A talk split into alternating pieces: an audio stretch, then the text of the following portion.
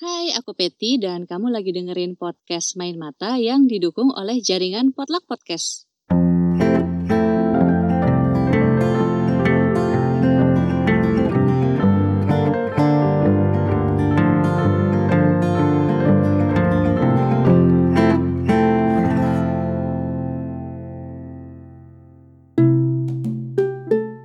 Di bab ini aku ngobrol singkat nih dengan Fabio tentang salah satu cerpennya yang berjudul Pencinta Butuh Pelarian.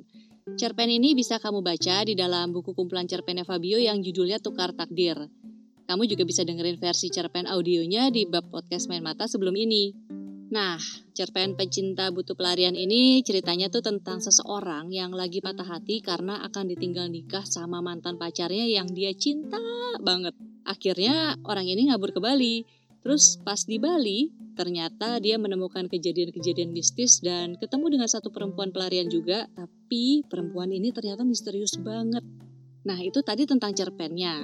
Kalau di bab ini, Fabio cerita tentang proses pembuatan cerpen ini yang ternyata memang diambil dari pengalaman pribadinya sendiri.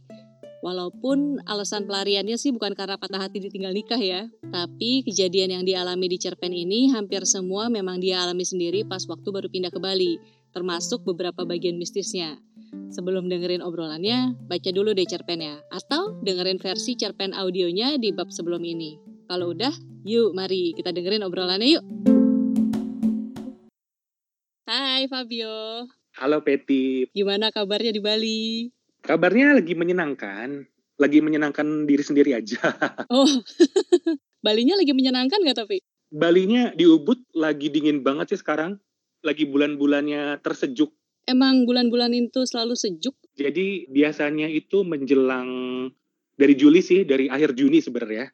Udah mulai hmm. dingin banget karena ada angin angin musim dari musim dingin, dingin dari Australia. Australia. Ah. Ya, gitu. Jadi kita kena imbasnya, imbas sejuk. Lumayan sih menyenangkan. Udah berapa lama ya kamu tinggal di Ubud ya? Hmm, hijrah ke sini itu 2014, berarti enam tahun. Wow, oke. Okay. Nah, ngomongin soal hijrah ke Bali nih. Ini kan kemarin kan di podcast Main Mata cerpenmu yang pencinta butuh pelarian sempat diaudiokan. Iya. Waktu itu kan kamu sempat bilang kepergianmu ke Bali ini memang menginspirasimu untuk bikin cerpen pencinta butuh pelarian. Iya. Betul. Nah, kalau di cerpennya kan si tokoh utama ini yang namanya Dion, dia kabur ke Bali karena patah hati mau ditinggal nikah sama mantannya. Kalau kamu sendiri waktu itu sebenarnya ngabur karena apa sih? Karena patah hati karena ekspektasi yang buruk. Jadi awal mula tentang karir sih. Oh, oke. Okay. Sebenarnya bukan karir juga ya. Jadi waktu itu kan lagi sekitar tahun 2013 itu lagi tinggal di Bandung. Mm -hmm. Nah waktu itu aku tuh baru rilis buku Kedai 1001 Mimpi, yang mana beberapa pembacanya itu ada yang berkeberatan dengan isi buku itu, jadinya mereka suka agak-agak mengganggu kehidupan gitu di Bandung. Oke. okay. Waktu itu sahabat itu lagi di Ubud. Windy dia lagi nulis buku buat tentang Ibu Robin. Ibu hmm. Robin yang CNN of the Year kan 2011 kalau nggak salah. Dia lagi bikin buku dan hmm. domisilinya di Ubud. Terus aku ngikut. Jadi eh boleh numpang ganggu kerjaan lo nggak sih? Gue mau ikut ke Ubud dong. Pengen lihat juga suasananya kayak gimana gitu. Oh, oke. Okay. Pas nyampe di Ubud, kok enak ya? Agak-agak mirip Bandung Utara gitu kan aku tinggal di Bandung Utara kan, wilayah hmm. Tubagus, Cigadung. Nah, Ubud itu suasana dari bentuk jalan, dari suhunya itu mirip-mirip. Terlebih okay. kultur Bali kan menyenangkan ya. Mereka masih memegang adat mereka, berkebaya, upacara. Aku suka banget melihat yeah. mereka beribadah di sini. Kayak gitu jadinya ya udah. Cuman berbekal mungkin sekitar lima potong baju, cuman sendal jepit doang. Dari rencana tinggal dua minggu jadi dua tahun, jadi enam tahun akhirnya sekarang. Iya, keterusan. Liburan berkepanjangan jadinya gitu. Oh, oke. Okay. Berarti sebenarnya sama-sama patah hati ya, cuman beda patah hatinya kenapa ya? Iya, patah oh. hati beda genre. Bener-bener bener. Terus apa nih yang selama ini didapat setelah berada di Bali? Nah, kalau di cerpen pencinta butuh pelarian itu kan si Dion itu tinggalnya tuh di daerah Sayan kan? Mm -mm. Yang mana itu emang kosanku pertama kali di Ubud di situ di desa Sayan. Oh, oke. Okay. Terus suasana yang digambarkan tuh sama seperti waktu pertama kali ke situ? Sama persis.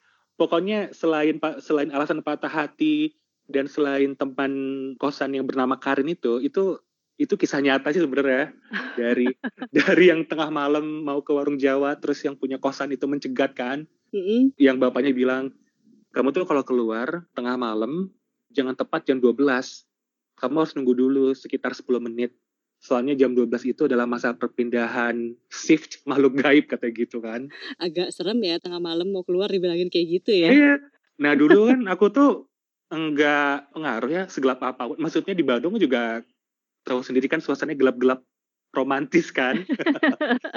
nah Ubud juga gitu waktu aku belum tahu ada cerita itu ya sama gelap-gelap romantis gitu kan. Hmm. Begitu tahu ada kayak makhluk-makhluk gaib yang hmm, diperkirakan mengintai langsung udah jadi mistis. Dan itu yang cerita anjing hitam ingat nggak? Yang ya. yang bapak kosan itu bilang kalau ketemu anjing hitam, mm -mm. kalau bentuknya panjang, terus kepalanya gede, kamu harus bilang permisi. Mm -mm. Nah waktu aku dengar pertama kali kan, kenapa nggak lari aja pak? kalau lihat kayak gitu kan mendingan langsung kabur ya daripada bilang permisi-permisi gitu. Iya. Bapaknya bilang, "Iya kalau misalnya kamu kabur takutnya kamu bakal sakit, nanti demam tinggi." Aduh, ya udah deh. Semenjak itu setiap ketemu anjing hitam, apa pun bentuknya aku aku pasti bilang permisi kayak gitu.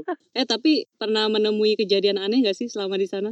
Nah, justru kejadian anehnya di di kamar yang sekarang. Oh gitu. Ini berarti udah pindah kos ya? udah pindah kos jadi setelah sering ditakut-takuti di desa saya itu akhirnya setelah 8 bulan aku pindah ke wilayah center di Ubud hmm. sekarang tuh tinggal di pinggir jalan raya area yang sangat kota ini ironis sih maksudnya wilayah tempat tinggalku sekarang di Ubud ini jauh lebih kota daripada tempat tinggal di Bandung oh oke okay. iya maksudnya waktu di Bandung aja kan tempat tinggal tuh agak-agak masuk ya agak-agak pedesaan nyaman gitu kalau di Bandung. Nah sekarang gue begitu pindah ke Ubud malah tinggal di tengah kota. Jadi kebalikannya. Tiap hari sampai malam rame dong. Eh, tapi Ubud kalau malam biasanya udah sepi ya? Apakah sekarang berubah? Sekarang sih ah. biasanya sampai jam 12 sih masih ada motor lewat. Oke. Okay. Dan setelah musim pandemi ya ada ambulans setiap hari warawiri sih. Serem juga. nah, terus berarti kejadian horornya apa nih? Jadi yang bakal aku ceritain ini ada hubungannya sama penyakit juga sih. Jadi aku ceritain dulu ya mm-hmm. kejadian horornya. Jadi waktu itu uh, terbangun karena mau pipis kan jam 3 subuh gitu deh. Mm-hmm. Nah pas mau beranjak nih dari tempat tidur, tiba-tiba ada ibu-ibu di sudut kamar, tapi cantik banget dia pakai kebaya, pakai selendang hijau. Oke. Okay. Waktu itu aku kaget.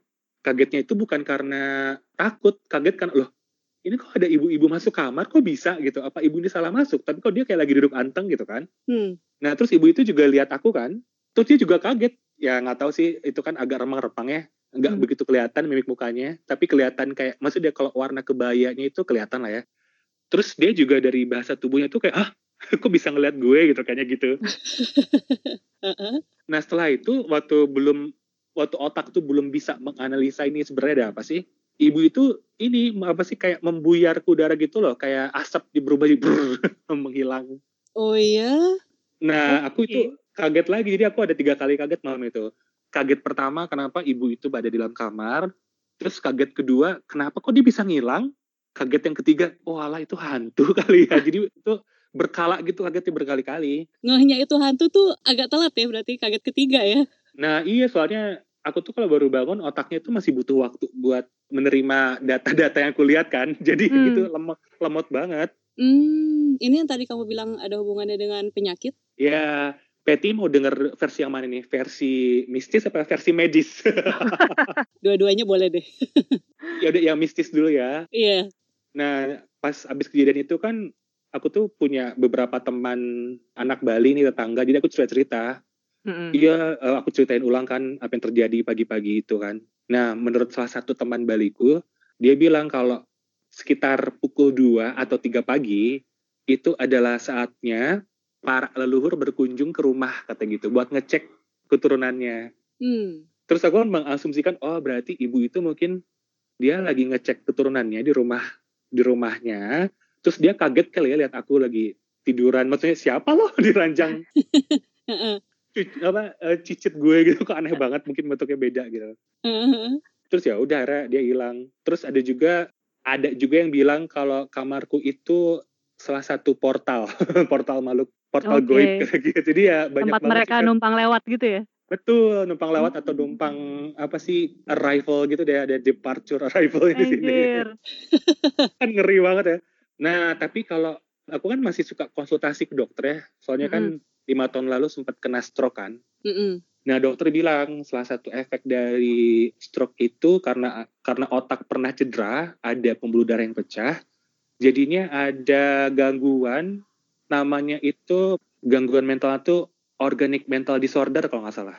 Hmm, itu berarti? Jadi salah satu imbasnya itu ada halusinasi visual.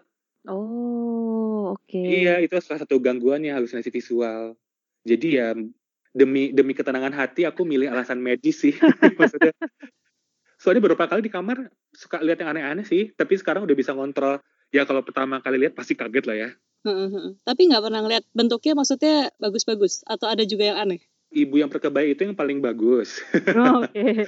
Kalau yang eh, serem sih biasanya asap-asap hitam aja biasanya. Hmm. Ala-ala film horor Korea itu loh yang asap-asap Iya iya iya. Iya.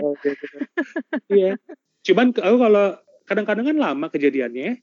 Jadi kayak mm -hmm. kayak nantangin gitu, Pet. Misalnya aku lagi lagi ketak-ketik ini di laptop nih di kamar ya. Mm. Terus di belakang laptop di bagian apa dari layar tuh kan suka kelihatan tuh ada pantulan orang lewat. Mm -hmm.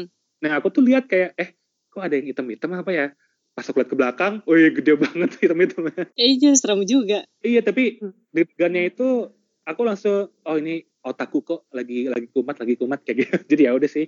Hmm. Aku langsung terjun ke kasur peluk bantal.